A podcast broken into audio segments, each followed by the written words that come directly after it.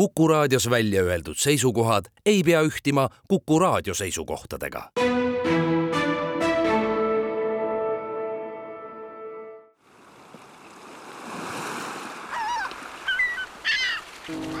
meretund. meretundi toetab Tallinna Sadam tere hommikust, on laupäev ja Meretunni aeg. mina olen saatejuht Vallo Kelmsaar. suvi on hobiseilajate aeg ja vetel ei tundu kuumuski nii ränk kui kuival maal. Tartus on täna veesõidukeid ilmselt rohkem näha kui muudel päevadel, sest peetakse Emajõe festivali. väidetavalt on see maailma suurim sisevete festival tänast paadiparaadi Emajõel tasub kindlasti uudistama minna. Eesti merenduslukku läheb aga tänane päev sellega, et seni Majandus- ja Kommunikatsiooniministeeriumi meremajanduse osakonnas töötanud inimesed on esmaspäevast juba Kliimaministeeriumi töötajad ja meremajanduse asekantsleri ametikohast me ka edaspidi ilmselt enam ei räägi vestlesin Kaupo Läänerannaga eile, kui ta veel Majandus- ja Kommunikatsiooniministeeriumis töötas. praegu on huvitav aeg selles mõttes, et äh, reedel ühes ministeeriumis ametis ja esmaspäeval juba teises, et kuivõrd selge see tulevik praegusel hetkel on? tulevik on äh, nii palju selge, et me teame, mis ministeeriumi nimi hakkab olema, mis äh, ministeeriumis saab olema, missugused asekantslerid saavad olema esimese juuli seisuga ja osakonnad ja, ja siis teame ka asekantslereid ja haldusalasid, mis saab olema esimese septembri seisuga, kui kõik äh, läheb äh, nii nagu planeeritud. seni oli Majandus- ja Kommunikatsiooniministeeriumis äh, mm. meremajanduse asekantsleri ametikoht mm on juba välja öeldud, et esialgu tulevad kõik asekantslerid kliimaministeeriumisse üle, aga tõenäoliselt neid nii palju ei jää kas meremajanduse asekantsleri koht jääb? vastab tõele, et, et see asekantslerite arv on erinev, et eh, riik eh, otsib, eh, otsib kogu aeg võimalusi, kuidas olla efektiivsem ja targemini tegutseda, et, et ühte asja ma võin öelda, et meremajandus, osad kasutavad sõna sinimajandus, blue economy, tuleb sellest reformist välja tugevamana, kui enne oli et, et see on selge, seda võin kinnitada, et meremajanduse asekantsleri koht küll liigub esimese juuli seisuga kliimaministeeriumisse, aga juuli alguses lähevad välja eh, erinevad konkursid eh, kliimaministeeriumi nii-öelda seitsme asekantsleri kohale, mis on peale ümber restruktureerimist ja reformi ja, ja, ja, ja seal saab olema üks seitsmest eh, asekantslerist merenduse ja veekeskkonna asekantsler. ja, ja sinna sellesse tema portfelli hakkavad kuuluma äh, kogu meremajanduse tiim ja osakond, kes praegu MKM-is on. Äh, sinna tuleb kogu merekeskkonna osakond, kes on töötanud äh, keskkonnaministeeriumis siiamaani. ja sinna tuleb ka kogu veeosakond, seega loogika on selles, et meremajanduse poliitikaloome on peaaegu ühes kohas et äh, absoluutselt alates keskkonnast lõpetades erinevate äh, meremajanduse nii-öelda valdkondadega, välja arvatud kalandus. et äh, selle reformi käigus kalandus liigub regionaalministeeriumisse, aga kõik ülejäänud valdkonnad on küll sees ja teine oluline osa on kõik eh, veeosakond, eh, mis on päris suur osakond, seal on üle kuueteist inimese minu teada, et kõik Eesti mageveevarud, eh, magevesi, kõik selle, selle kui nagu loodusressursiga seotud, kõik see poliitikaloomes, kõik need vee-ettevõtted kõik reoveega seotud teemad, mis on selle valdkonnaga seotud, et see on, see on suur valdkond, see on oluline valdkond, eh, kui me vaatame ÜRO eesmärke, siis eh, magevesi on eh, ja veevarud, kogu sellega seonduv on prioriteet ja ma arvan, et tulevikusõjad, ma olen enam kui kindel, hakkavad magevee ümber olema. kui see kliima soojenemine sellises tempos jätkub, et, et selline suur ja tugev portfell saab olema. merendus tuleb kindlasti sellest reformist tugevamalt välja. kas meremajanduse ja sinimajanduse vahele võib panna võrdusmärgi? Mina panen selle, selle vahele võrdusmärgi, et äh, tegelikkuses äh, meremajandus ja sinimajandus on täpselt sama asi. lihtsalt äh, meremajanduse valge raamatu käigus nende portfellide loomisel Eesti riik on võtnud suuna, et, ja mida me oleme strateegiates lahti kirjutanud, et see on meremajandus keegi ei välista, et kui kunagi riik võtab poliitilise su suuna niimoodi, et me hakkame kõike sinimajanduseks nimetama. Aga noh, Euroopa Liidu mõistes nende jaoks on see blue economy, mis on, ongi tõlkes nagu sinimajandus. Need on täpselt samad valdkonnad, meretööstus, meretaastuvenergia, meretransport, sadamad kõik merepealsed teenused, rannikuturism, et, et, et see on täpselt samad alamvaldkonnad on, lihtsalt küsimus, kus sa nimetad.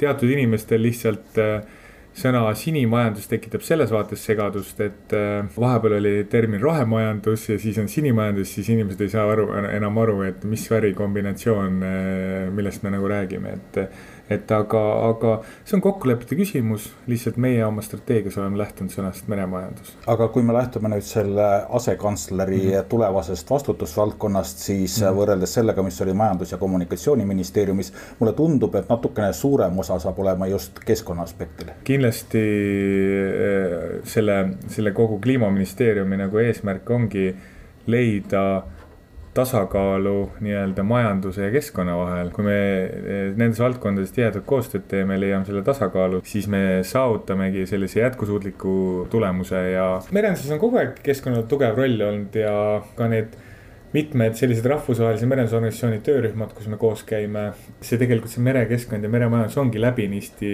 läbi põimunud eh, ja meil kõigil on eh, sama eesmärk, et, et nüüd ongi, et pigem natuke kaugem ja väga suur tükk ongi see vee, veemajanduse osa. kõik äh, pigem, pigem äh, see, tema on nagu rohkem piiritletud. ja taustana võib-olla kliimaministeeriumi eesmärk ongi see, et tuua see, see poliitikaloome, mis puudutab rohepööret, kasvuhoonegaaside vähendamist ja rohereform tuua see ühte kohta, nii et Eh, tunnetuslikult üle üheksakümne protsendi otsustusest, protsessidest tuleb ühte ministeeriumisse. Üle üheksakümne protsendiga sellega seotud rahadest tuleb ühte ministeeriumisse. see tähendab seda, et eh, mida ka minister ja, ja kantsler ütlevad eh, oma sõnavõttudes, et et äh, ei ole enam kellegi otsa vaadata, et, et, et see teine ministeerium seal kuskil takistab meie arengut või siis teine ministeerium ütleb, et keegi kolmas takistab. et meil ei ole kellegi teise otsa vaadata, me peame selle nagu ära tegema ja see on selle, selle nagu suur pluss no ikka saab väita, sellepärast et mulle on öeldud, et kogu see merenduse valdkond on jagatud praegu üheteistkümne ministeeriumi vahel, olen kuulnud ka teisi numbreid muidugi. ma ütleks niimoodi, et see on äh, vananenud info ja, ja võin kinnitada, et ikkagi meremajandus äh, põhipoliitika loome saab olema nii-öelda kliimaministeeriumis väga-väga suur osa, loomulikult on äh, palju olgu see meremeeste tööteemadega seotud asjad, olgu see merejulgeolek. mereharidus.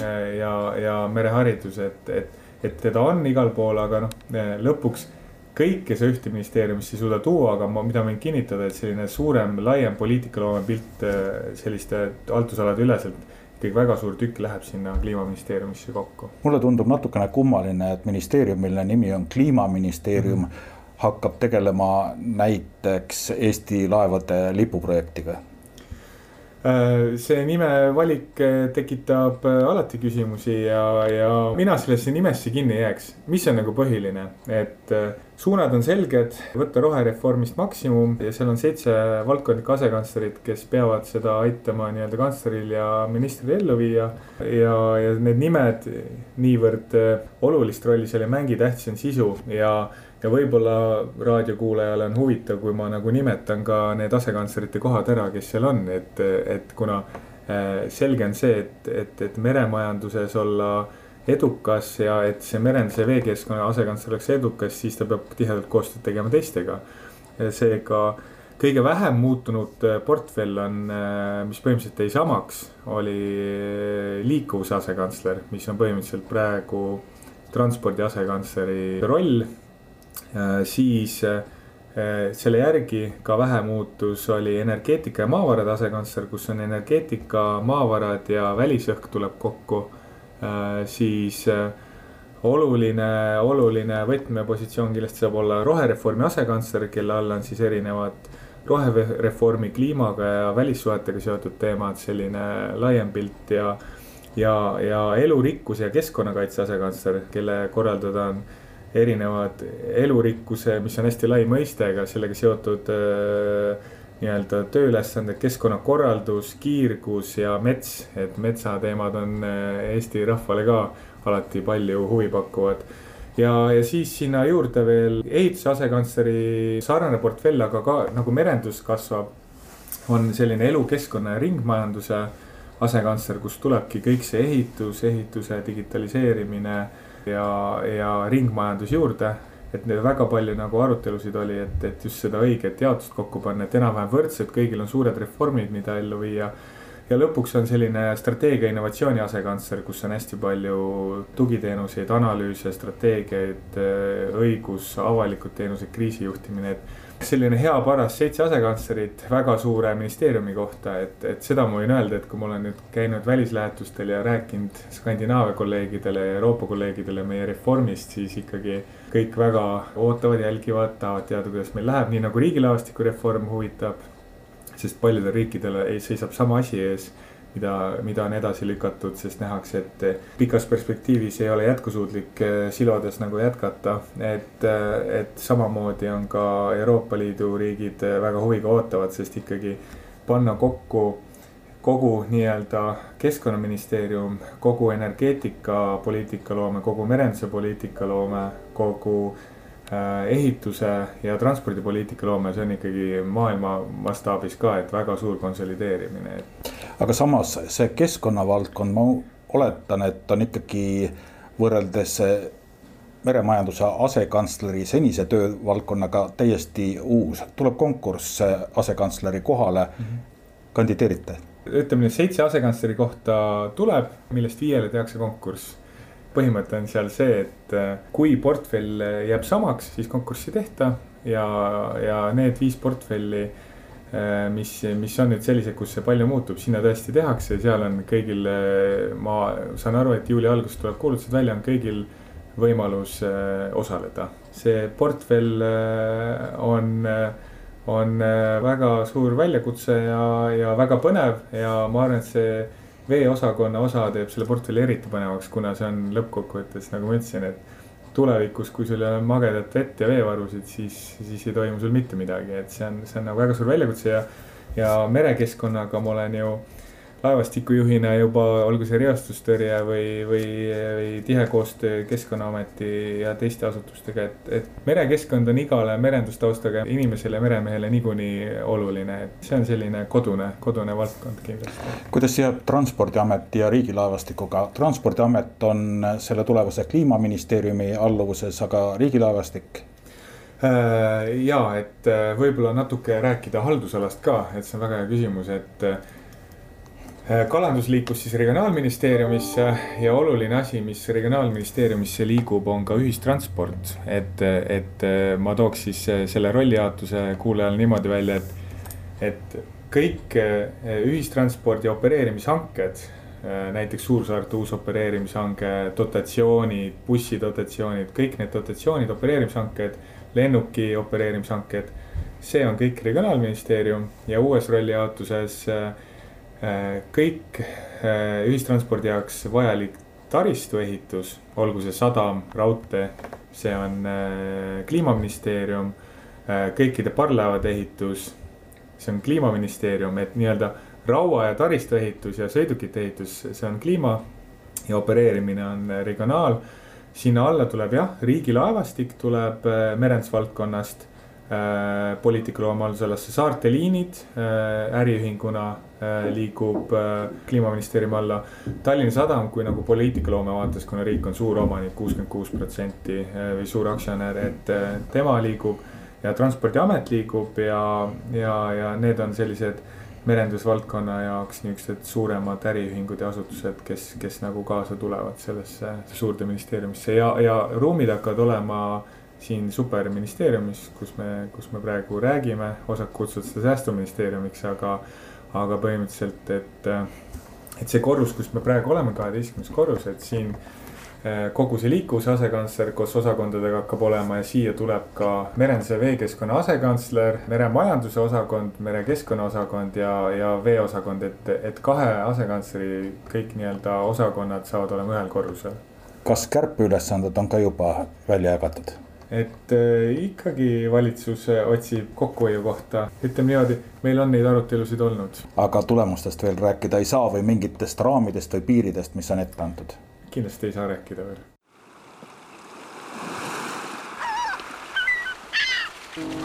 meretund. meretundi toetab Tallinna Sadam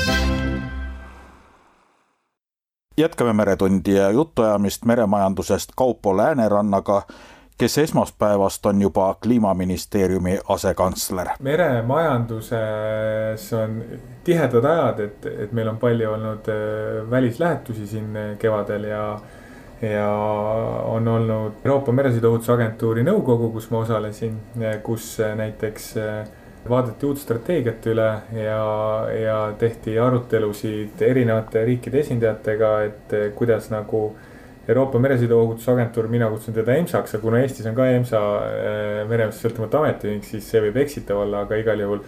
et see Euroopa agentuur äh, otsis võimalusi, kuidas targemalt veel rohkem liikmesriike toetada, et, et äh, väga muljetavaldav oli seal, seal on selline kontrollruum, mis nad on loonud, et kus liikmesriike toetada, kui nendel on vaja teada, et keegi kahtlane laev kuskil on. Nendel on juurdepääs satelliitidele, nendel on juurdepääs erinevate andmebaasidele, sellistele tööriistadele, kui laev teeb midagi kahtlast, kaldub kõrvale, vähendab kiirust, et, et tuvastada võimalikke nagu rikkumisi jälgida seda. väga tähtis ametikoht on selle Euroopa agentuuri direktor, kes on horvaatlanna tema eh, lepingut pikendati nelja aasta võrra, et eh, tema nüüd eh, jätkab veel neli aastat. siis meil oli transpordiametiga ja Eesti sektori osapooltega oli, oli väga põnev delegatsioon Northshippingule Norras, mis oli selline äridelegatsioon ja riigidelegatsiooni segu. Northshipping ise on selline hästi suur formaat, kus järgmine aasta ma näen, et kindlasti Eesti võiks oma rahvusliku stendiga välja minna, selleks tuleb kindlasti eelarvet planeerida. et tuua pilti Eesti nii-öelda võimekus ja konkurentsivõimet, hästi palju ägedaid Eesti firmasid olid kohal, meretööstused, kellel olid ka seal kohtumised eh, Norra koostööpartneritega. Eesti firma, kellel oli seal Northshippingul suur stend oli BLRT, et eh, nemad avasid seal eh, stendi, kus mul oli ka au seda linti läbi lõigata ja BLRT on võib-olla selline hea näide firmast, kes on nagu Norra turul väga tugevasti nagu. ma ei tea, kas sisse saanud on õige sõna, aga en-, en-, ennast nii-öelda kehtestanud oma kvaliteediga ja, ja eelmine sügis me käisime seal Salmonaid avamas, mis on selline Eesti, Eesti meretööstuse nihuke äge asi, mis nad valmis tegid, näeb välja nagu ulmefilmis selline kosmoselaev, mis on fjordis, aga, aga see Salmonai, see oli nagu väga äge, et arutelude keskmes oli seal rohepööre, jätkusuutlikkus, hästi palju tarkvaraliste lahenduste pakkujaid, kes nagu pakuvad tarkvara, kuidas laevafirmad saavad targemini ja efektiivsemalt hakkama väga palju selliseid innovaatilisi firmasid, kes ehitavad selliseid äh, väikseid ise, isesõitvaid äh, veesõidukeid, millega saab näiteks fjordide vahel reisijaid transportida. ja ma küsisin nende natuke kiusliku küsimuse ka nende isejuhtivate laevade puhul äh, et kui nagu on selline isejuhtiv mehitamata laev, et kuidas see reisijate evakuatsioon toimub, et ega sellele pole vastust leitud, et arendatakse neid erinevaid autonoomsuse astmeid, kuidas maailmas need reisilaevad saavad äh, ise sõita, kõigepealt kaugjuhtimine ja natuke vähem personali ja lõpuks viiakse personal miinimumini. aga ikkagi sellist head vastust, et kuidas täitsa ilma inimesteta veesõidukit evakueerida parvlaeva, sellele nagu ei osanud mulle mitte keegi nagu vastata ja võib-olla, mida sealt äh, välja tuua, me kohtusime kahe ministeeriumiga, nendel on üks ministeerium, kus on selline transpordiministeerium. Nendega oli hästi palju parvlaeva teemalisi arutelusid. Äh, nad on ikkagi ajast ees, et, et need akulaevad, mis nendel seal töötavad, et enamus liinidel need akulaevad ja nende opereerimine on odavam kui diisellaevadel kui pikad need ja. distantsid on, mida akulaevad läbivad? see on hea küsimus, seal on väga palju Eestiga sarnaseid distantse, hästi palju lühikesi otsi, nad ütlesidki, et enamus liinidele nendele sobivad äh, akulaevad. aga on mingid liinid, kus nad testivad vesinikku ja, ja nende liinide peal, kus nad see vesinikulaev oli, ütleks niimoodi, et, et nende pikk vaade on, ma saan aru, see, et ikkagi maksimaalselt akusid ja akud kogu aeg lähevad paremaks. Ja, ja nende liin, pikkadel liinidel vesinik tuua no aga noh, vesiniku puhul on praegu see, et, et see vesinikulaeva opereerimiskulud on ikkagi võrreldes akulaevaga, tavalise laevaga väga palju kallimad. kuna ta on niivõrd uus tehnoloogia, ma arvan, et selle kalliks teeb ka see, et mis minu jaoks tuli üllatusena, et nad toovad seda vesinikku Saksamaalt. et eh, Norra liinil opereerimiseks, praegusel hetkel jah, ta on kallis ja ta on uus tehnoloogia, et, et ikkagi akud on juba nii palju sisse töötatud, et see on odavam ja siis, kui ma norrakatelt küsisin ka, et kellelt nagu teie õpite, et nagu paremaks saada, muidu on alati maailmas keegi, kellele nagu üles vaadata, aga vastus oli see, et ega, ega ei olegi nagu kelleltki õppida, nad selles valdkonnas on väga eesrindlikud ja noh, nende pluss on kindlasti see, et nendel pole jääd. me peame siin jää pärast ka muretsema, et, et, et kas akudega, et kas me ikkagi talvel saame piisavalt äh, palju jõudu on sellel akul, et sellest kuskil suures väinas sellest äh, jääst läbi minna. selles mõttes, et väga, väga põnevad arutelud rääkisid, kuidas neil need hanked on üles ehitatud ja, ja kuidas nad nagu riigina tegutsevad. mida konkreetselt oleks meil näiteks eh, üle võtta? meie eesmärk oli luua need head kontaktid ja, ja kindlasti eh, ma arvan, et, et eh, nende aku ja vesiniklaevade ekspluateerimine tuleviku vaates, et selge on see, et me meil Eesti riigil on vaja minna seda teed, et eh, suursaarte ja väikesaarte parvlaevandus viia emissioon võimalikult nullilähedaseks. et õppida nende tehnoloogiate kasutust, nendel on kindlasti palju kogemusi akudega ja, ja kindlasti nende see kogemuse vaates, see, mis nad selle vesinikulaevaga õpivad, on väga oluline. võib-olla tulebki välja, et see, nad ütlevad tagantjärgi, et see vesinik ei ole õige suund, me ei tea seda, et meie ei ole nagu vesiniku suunana võtnud, me oleme riigina öelnud, et Äh, Virtsu kuivastu on äh, akud.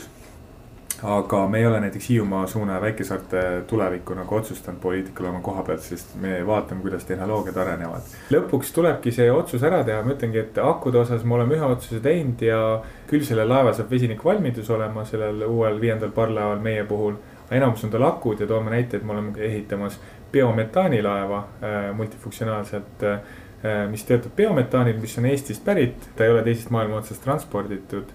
Ja, ja tal on ka vesinikuvalmidus, et need, kes on äh, akude vastu, nemad ütlevad, et mis kõik on nagu akude tootmiseks vaja läinud. et ega siin ideaallahendust ei ole, äh, selge on see, mida ma näen on see, et paljudes osades liigutakse biometanooli suunas, metanooli suunas. ja selleks on tehnoloogia olemas, pigem Äh, ma tean, et Eesti meretööstuse suured tegijad äh, tegelevad ka sellega, et kuidas lahendada probleem ära. Et äh, metanool võtab liiga palju ruumi, et olemasolevates laevades, kui kasutada, et ta võtab üle ligi kolm korda rohkem ruumi. et sama ühiku võrra edasi liikuda, et, et seal, ma ütlen, see on väga põnev teema, siin on väga palju väljakutseid ja, ja norrakatelt on palju, palju õppida ja, ja me kohtusime ka seal veel Norra nii-öelda selline, selline ministeerium, kalandus, kaubandus, kalandus, kaubandus ja, ja, ja tööstusministeerium. ja nendega, nendega me rääkisime hästi palju sellisest rahvusvahelise merendusorganisatsiooni teemalisest koostööst, et kuidas nemad äh, planeerivad ja kuidas nad koostöös sektoriga tegutsevad võimalikult targalt, et, et, et, et, et, et nii-öelda riigi huvides seista ja ja mida ma olen nüüd siin Skandinaavia kolleegidega palju rääkinud, et, et selge nii Norra puhul ja Rootsi puhul äh, on, on see, et nendel on ikkagi see lae, näiteks laevaomanikud on väga tugevad organisatsioonid ja ikkagi äh, organisatsioonid käivad läbirääkimistel kaasas. Nad ei saa küll sõna võtta, aga nad on kaasas oma tehnilise know-how ja, ja positsioonidega aitavad toetada riiki, riiki läbirääkimistel erinevates komiteedes, et siin on kindlasti Eesti, Eesti, meil on nüüd see IMO strateegia valmis ja me lähme edasi, aga aga ma arvan, et eh, riigina üha rohkem, kui meil see meremajandus areneb, meretööstus, erinevad eh, laevandusettevõtted, et. Eh, ja rohe, rohereform on taustal, et, et kindlasti see võiks olla meie suund, et me tulevikus ikkagi. olgu see merendusklastri tulevane esindaja või keegi teine, et meil on inimene, kes on sektoriga poolt ka kaasas, nagu Skandinaavias käiakse juures ja, ja käisime ülikoolidega kohtumas, mitme ülikooliga. ja oli loomulikult äh, põnev oli, seal oli selline üks Norra ülikool, kus andis sellist rohkem praktilist väljaõpet, et õpetati ka merenduse tippjuhte. oligi merenduse tippjuhtidele suunatud koolitused, kus oli selline finantsid, maksud Äh, kindlustuslahend, et, et see hästi selline äh, akadeemilisest väljaõppest nagu väljas selline hästi palju praktilist õpet oli ja, ja õppejõudusid oli sealt äh, pankadest, igalt poolt mujalt, et, et. et need on suunad, kus kindlasti tasub Eestisse nii-öelda parimad asjad kaasa võtta ja, ja tutvusime ka nende äh, klastritega, et ne, ne, nemad enda Norras nagu. Nad ütlevad, et nendel on ikkagi kolm äh, superklasterit, et äh, meie räägime Eestis meremajanduse keskklastri loomised, nendel on väga selgelt, seal on eristatud erinevad valdkonnad nagu kalandus. siis on offshore'i osad ja, ja laevanduse osad ja merendustehnoloogiad, et, et, et sinna kindlasti nagu Norra riik palju toetusi ja raha sisse, sisse pumpab, aga see toob nendel palju lisatulu ka tagasi, et. et, et sellised sellised hästi-hästi äh, põnevad kohtumised, me kohtusime selle uuringu tegijatega ka, kes meile selle Eesti laevanduse konkurentsivõime uuringu tegid ja, ja rääkisime seal nagu kokkuvõtetest, et. et, et nemad on nagu väga tugevad toetamaks selliste rohereformi teekonnakaartidega, et, et, et, et nad, ma saan aru, nad on riikidele ja Skandinaaviale ette valmistanud ka selliseid et meil on eesmärk jõuda selleni ja et, et mida me peame tegema selleks, et nagu võimalikult kiiresti eesmärgini jõuda, aga. aga ega lõppkokkuvõttes igasugused analüüsid on toredad, aga lõpuks raha on vaja ka saada, et, et, et need asjad ellu viia, et. siin sügisel te planeerite ühte merendusele keskenduvat erikuud, sinna on ka raha vaja. meremajanduse kuu, et ma lihtsalt toon ühe fakti ära, et, et Eesti sisemeretransport, kõige suurem saastaja on meil parvlaevandus mis meil siin saarte vahelt äh, liigub, et me saame hästi lihtsate sammudega äh, väga palju ära teha, aga no kõik eeldabki, et, et selleks, et et seda parvlaevandust rohestada, selleks on meil vaja ehitada kaasaegsed laevad. aga, aga ma usun, et riigilaevastiku eestvedamisel saab selle hästi tehtud, et. Kas ka kiiresti tehtud? ei, selles mõttes, need kindlasti protsessid võtavad aega. tähtis on kõigepealt see visioon kokku saada, mis on meie suunad, kui suured laevad, mis tehnoloogiad ja, ja siis äh, maksimaalselt äh, efektiivne lähenemine rahastusele, et, et see on kindlasti see, millega me edasi läheme, aga see lihtsalt taustana, et äh, Eh, meremajanduse kuu juurde tagasi tulles, et, et jah, me oleme juba seda tükimat aega planeerinud, meil on väga hea meel, et eh, merendussektor, kelle me oleme pakkunud kaasalöömist, on väga aktiivselt nõus kaasa lööma, et. et just eh, me oleme igapäevatöös näinud, olgu see, see superministeerium kasvõi, kus me töötame teiste koostööpartneritega rääkides, et et eh, oleme mereriik, aga väga paljud eh, ei tea eh, meremajandust, kui suur ja et see on üle viie protsendi SKP-st, see annab, et paljud ei tea, ei hooma seda, seda laiust, kus see igal pool meid ümbritseb ja ei saa sellest aru, et sellega me oleme järk-järgult tegutsenud, et, et seda parandada ja ja, ja, ja, ja me näeme ka, et meremajanduse kuu võiks nüüd selline fokusseeritud periood olla, kus me toome selle pilti. ja, ja räägime, millest siis ikka meremajandus koosneb, kes on seal äh, meil äh, tegijad, et ka minul tuleb aeg-ajalt üllatusi, et jälle avastasin ühe uue firma, kes on tõsiselt innovatiivne, rahvusvaheliselt ekspordib meretööstusest tooteid maailma, mis on väga konkurentsivõimelised, et, et esiteks suurendada erinevate osapoolte teadlikkust meie meremajandussektorites, selle olulisusest. ja tuua nagu näiteid nendest firmadest ja meil on hästi palju neid firmasid, kes on nõus kaasa lööma, olgu need sensorid. olgu need eh, nutipoid, olgu see meretööstuse ettevõtted, ise mehitamata laevade arendajad või laevaehitajad või laevandusettevõtted et, et, et toome nagu pilti ja ka näiteks siia ministeeriumisse hakkame aeg-ajalt tooma selliseid äh, prototüüpe ja, ja näidiseid, et, et, et näidata, mis toimub. Ja loomulikult artiklid ja kohtumised ja äh, et, et seda, seda info välja luua, et, et selline meremajanduse kuu, äh, toome prioriteeti, suvel seda polnud mõtet teha, inimesed on igal pool laiali, aga tuleme sügisel eh, hoogsalt, eh, hoogsalt eh, Eesti inimestele seda pilti tooma. mis ah. kuust me räägime? septembrist ikkagi, kuulajaid kutsun silmi ja kõrvu lahti hoidma selle, selle meremajanduse kuu osas ja, ja, ja loodame, et läheb hästi.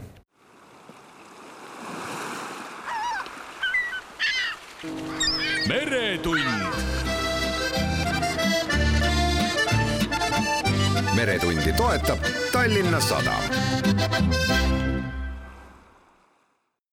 meretunni lõpetuseks siirdume Tartusse ja minu vestluskaaslane on Eesti Mereakadeemia merekooli Tartu osakonna juht Indrek Särg kolmapäeval meenutati Tartus kooli endist juhti Paul Kooserit ning avati tema mälestusplaat ja nimeline auditoorium. me meenutasime nii kolleegide kui, kui tema õpilaste, praeguste laevakaptenitega, meenutasime Paul Kooserit, kes oli Eesti Mereakadeemia Tartu osakonna ja siis Eesti Merekooli Tartu osakonna pikaaegne juhataja, kokku siis kolmteist aastat töötas sellel kohal ja tema õpilased on sisuliselt kõik praegused sisevete laevakaptenid. no nüüd on Paul Koosarit enam viis aastat meie seas ei ole, nüüd on juba siis tulnud mõned uued, kes ei ole enam tema all õppinud, aga kõik nii-öelda varasemad laevakaptenid on olnud tema õpilased.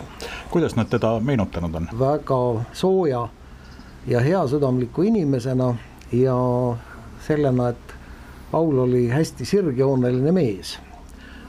heasüdamlik küll, aga sirgjooneline ja niisugune, niisugune, kui ütles, siis nii pidi olema, noh, nii nagu laevakaptenid ka, ka nii-öelda tava ettekujutuses arvatakse olevat. aga siis ega, ega need ajad, kus ta merekoolis öö, seda sisevete laevandust eest vedas, ei olnud kõige lihtsamad, sest merekool tollal liikus siis Mereakadeemia alt iseseisvaks õppeasutuseks. sellest oli kõvasti kasu merekoolile ja sisevete laevandusele ka. Aga need aastad Mereakadeemial ei olnud eriti lihtsad aastad talle. ja Paul oli selles mõttes üks hästi tubli ja, ja, ja niisugune hingega seda sisevete laevanduse ja hariduse asja ajav mees. et tema suutis natukene rohkem ette mõelda, suutis olla nii-öelda raamist väljas või, või, või kastist välja mõelda, nagu nüüd on kombeks öelda. ja meie see mälestusplaat siis ongi temale selline, et see mälestusplaat on rombikujuline, aga Pauli see figuur või see, või see pea või nägu on siis sellest rombist osaliselt nagu eenduv või väljaulatuv, et oleks näha, et noh, tegemist on sellise mehega, kes päris oma ajastu raamidesse ei pruukinud mahtuda ja, ja suutis nii-öelda eristuda. Tema nägi selgelt ära ikkagi seda, et sisevete laevanduse arendamist nii Tartu kui muude linnade ja, ja üldse Eesti mm, noh, nii-öelda kogu selle valdkonna edendamist nii, nii Tartus kui Pärnus kui, kui Peipsil kui Võrtsjärvel igal pool mujalgi, et sellel on tulevikku, et äh, laevajuhte tuleb mereharidusega korralikult koolitada äh, ja siis saabuvad taas tagasi ka need ajad, kus rahvas tuleb rohkem laevadele sõitma. Äh, ja no tema mõtles kaugemale ette, ta mõtles ka selle peale, et kuidas avada uusi, kas laevaliine või, või, või tekitada mingisuguseid niisuguseid võimalusi äh, sisevete laevajuhtidele töötada rohkem ja, ja anda siis oma haridusele kohast niisugust panust üldisesse arengusse. Paul ajas just seda, seda asja, mille vilju me praegu mingis mõttes maitseme, sest me näeme, et Tartus praegu päikeseliste ilmadega sõidavad, äh, sõidavad nüüd laevad Pegasus, äh, Alfa, Signild, Lodi, Hilara ja, ja kõigile jätkub neile sõitjaid, kõigile jätkub reisijaid, kõigile jätkub selle veesõidu nautijaid ja, ja linnakruiiside või, või linna vaatlusreiside mm, peal on väga palju välisturiste nii et äh, kui Pauli töö ei oleks olnud nii edukas, siis praegu meil ka nii tubli laevastiku täiendust ja, ja, ja niisugust, niisugust elevust jõe peal ei oleks. Leidsin Meretunni arhiivist aastast kaks tuhat viis ühe salvestuse, kus ta räägib sellest, milline olukord äh, Emajõel on. jah, kui võtta nüüd kõige paremaid aegu, mil Emajõel ja Peipsil veeti umbes aastas sada seitsekümmend tuhat reisijat ja veeti kaupa kuskil kahesaja viiekümne tonni ulatuses, siis tänapäeval on numbrid üpris kahanenud, kuid siiski praegust tegutseb Tartus aktsiaselts Tartu Sadam, kellel on aluseid ja kes, kes vajavad kindlasti koolitatud spetsialiste. lisaks Tartu Sadamale ka kindlasti piirivalvelaevad, kelle aluste peal kõik meie lõpetanud, tähendab, nende alused on kõik meie lõpetanud meeskondadega komplekteeritud ja ka Veeteede Ameti laevad, ma mõtlen hüdrograafialaevad, kus töötavad lõpetajad. aga kas tal tuli sellel ajal ja hiljem ka siis, kui ta juba kooli juhtis, selgitada ja tõestada seda, et see merekool Tartus üldse vajalik on? just nimelt, tema oligi tulihingeline selle merehariduse Tartus jätkamise eestvõitleja ja suutis ametkondades ja, ja ministeeriumis ja igal pool mujal siis ennast õnneks piisavalt noh, nii-öelda nähtavaks teha ja, ja oma selle mõtte selgeks rääkida. sest kui meil Tartus äh, seda laevajuhtide õpet ei toimuks, siis suure, suure tõenäosusega meil äh, sisevete laevajuhte ei olekski, sest Tallinnas ei ole selle eriala inimesi, kes, kes äh, saaksid sisevete laevajuhte õpetada, seal ei ole vastava ala spetsialiste ja seal ei ole ka eriti kusagil sisevete laevandust praktiseerida, nii et, et selles mõttes äh, tänu Paul Kooseri, tänu siis veel Lembit Põllu ja Enn Sooviku tööle, tollal niisugustele pingutustele ja, ja ametkondades äh, niimoodi enda eest seismisele on meil siis täna võimalus selleks, et et see laevandus Emajõel ja, ja Võrtsjärvel ja Peipsil ja ja veel ka Pärnu jõel ja veel ka Narva jõel ja, ja mujalgi. Et ta saab tasapisi areneda, saavad tulla uued laevajuhid ja saavad tulla uued laevafirmad, kus siis saavad need laevakaptenid ja meeskonnad tööd. kui suur osa Emajõel sõitvatest paadi- ja laevajuhtidest on tema kunagised õpilased, siis kui palju tema õpilasi on praegu Tartu Merekoolis tööl? Tartu Merekoolis mina ise olen, saan rõõmuga ja väga soojade mälestustega Pauli peale mõeldes öelda, et, et minul on au olla tema õpilane, siis minu kolleeg Rainer Napits, kes on praegu Pegasuse kapten, tema oli Pauli õpilane juba enne mind, siis veel Andrei Kulagin, siis veel Albert Lass, siis veel Kaupo Soon, siis veel Üllar Selgis. Neid on ikka, neid on ikka päris palju, kes on viimased õpilased tema viimases lennus, enne kui ta siis meie jaoks väga ootamatult nii-öelda taevasesse meeskonda läks. tema viimases lennus olid siis niisugused värvikad inimesed nagu Kaute Kivistik, siis praeguseks nüüd juba hästi kurvalt meie seast lahkunud Olav Suuder ja, ja muusik siis Silversepp. Paul Kooser suutis nagu väga erinevate elualade inimesi tuua laevajuhtimise juurde ja, ja selles on midagi väga tartulikku, et e, e, paljudest nagu erinevate valdkondade inimesed järsku leiavad endale mingisuguse niisuguse põneva väljundi või põneva huvihariduse juurde sellele, et nad noh, kas nad on muusikud või maalikunstnikud või õppejõud või bioloogid või kes tahes ja, ja siis nad tulevad ka laevajuhtimist õppima ja mõned jäävadki laevajuhtimise juurde. Näiteks Kaute Kivistik teeb küll teletööd, aga. ja ka raadiotööd. ja ka raadiotööd just ja suviti sõidab laevaga ja räägib, räägib sellest, mis ta laeva peal kogeb, räägib väga, väga toredalt kui palju Paul Kooser ise oma elust ja valikutest rääkis, sest ta oli ju pärit Setomaalt merest üpris kaugelt? jah, me nüüd, kui, kui meil see mälestusüritus äh, oligi, siis võtsime Paul Kooseri mälestuseks ühe niisuguse pisikese joogi maitsmiseks, mida, mida Setomaal kutsutakse hansa.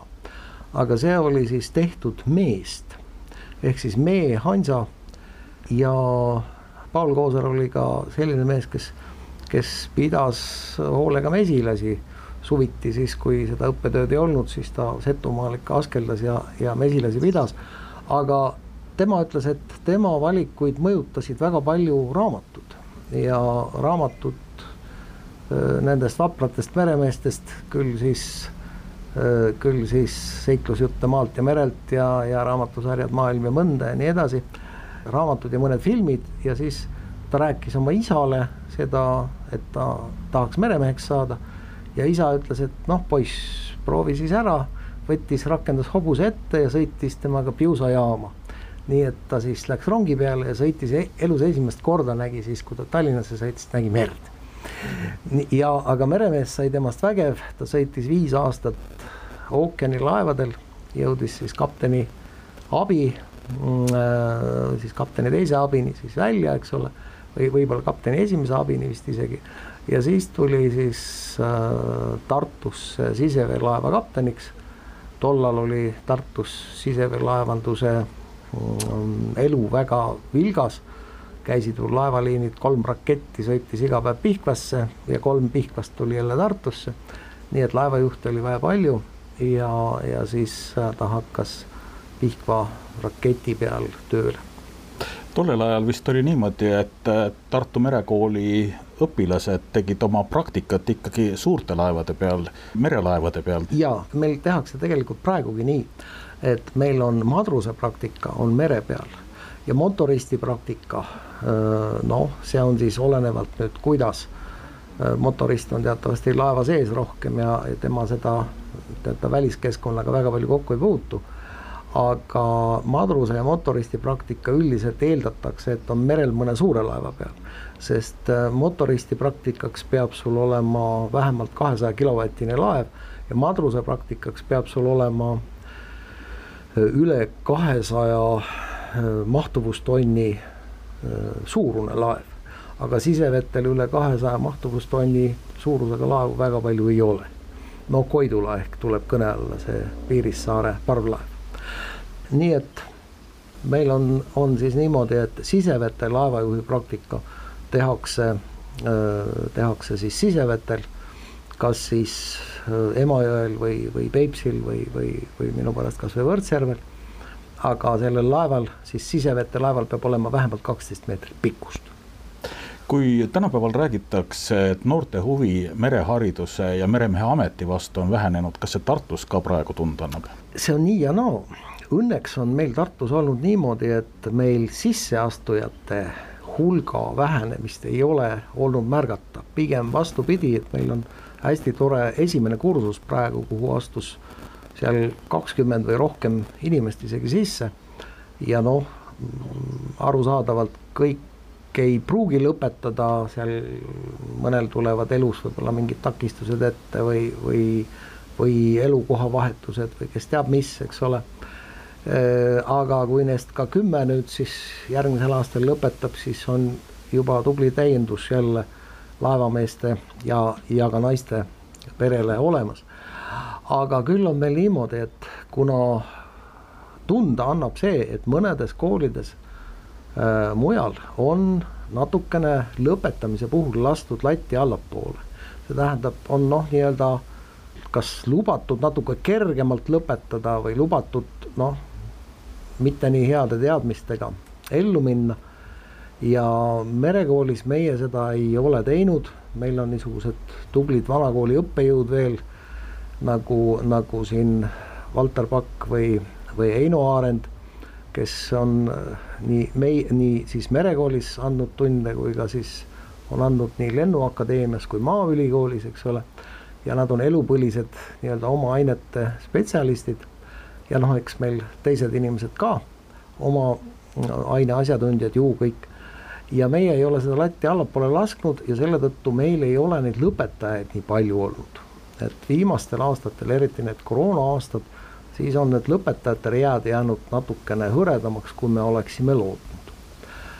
aga mis merehariduse populaarsuse kasvatamiseks teha annaks, noh, ma arvan, et kui noortele korraldada mõni niisugune äh, hea giidiga laevareis kusagil rannikumerel või, või kas või sisevetel, siis tekib sära silma rohkem ja, ja tekib ka sellist mõtet, et see oleks üks tore töö, mida ma tahaks tulevikus teha ja eks mõnes mõttes ju see populariseerimise eesmärk on ka Emajõe festivalil ja ma oletan, et kõik need, kes seal paatide või laevadega sõidavad, juhivad neid, on nii või teisiti olnud Tartu Merekooliga seotud?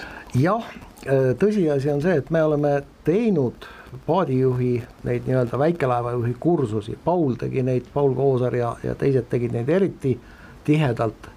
nüüdsel ajal ei ole selleks enam nii suur vajadus olnud me oleme küll ka mõned kursused teinud, aga nüüd on üsna palju firmasid, kes teevad, aga ka see on mingil määral Paul Kooseri ja teiste tollaste meeste teene selles mõttes, et ju siis said omaaegsed need ettevalmistused tollastele õpilastele said nii head, et nad said ise siis juba oma firmadelt koolitama hakata. Tänases Meretunnis kõnelesid Eesti Mereakadeemia merekooli Tartu osakonna juht Indrek Särg ning järgmisest nädalast kliimaministeeriumi asekantslerina alustav Kaupo Läänerand.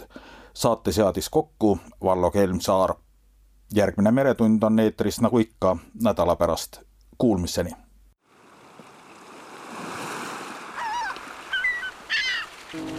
meretund. meretundi toetab Tallinna Sadam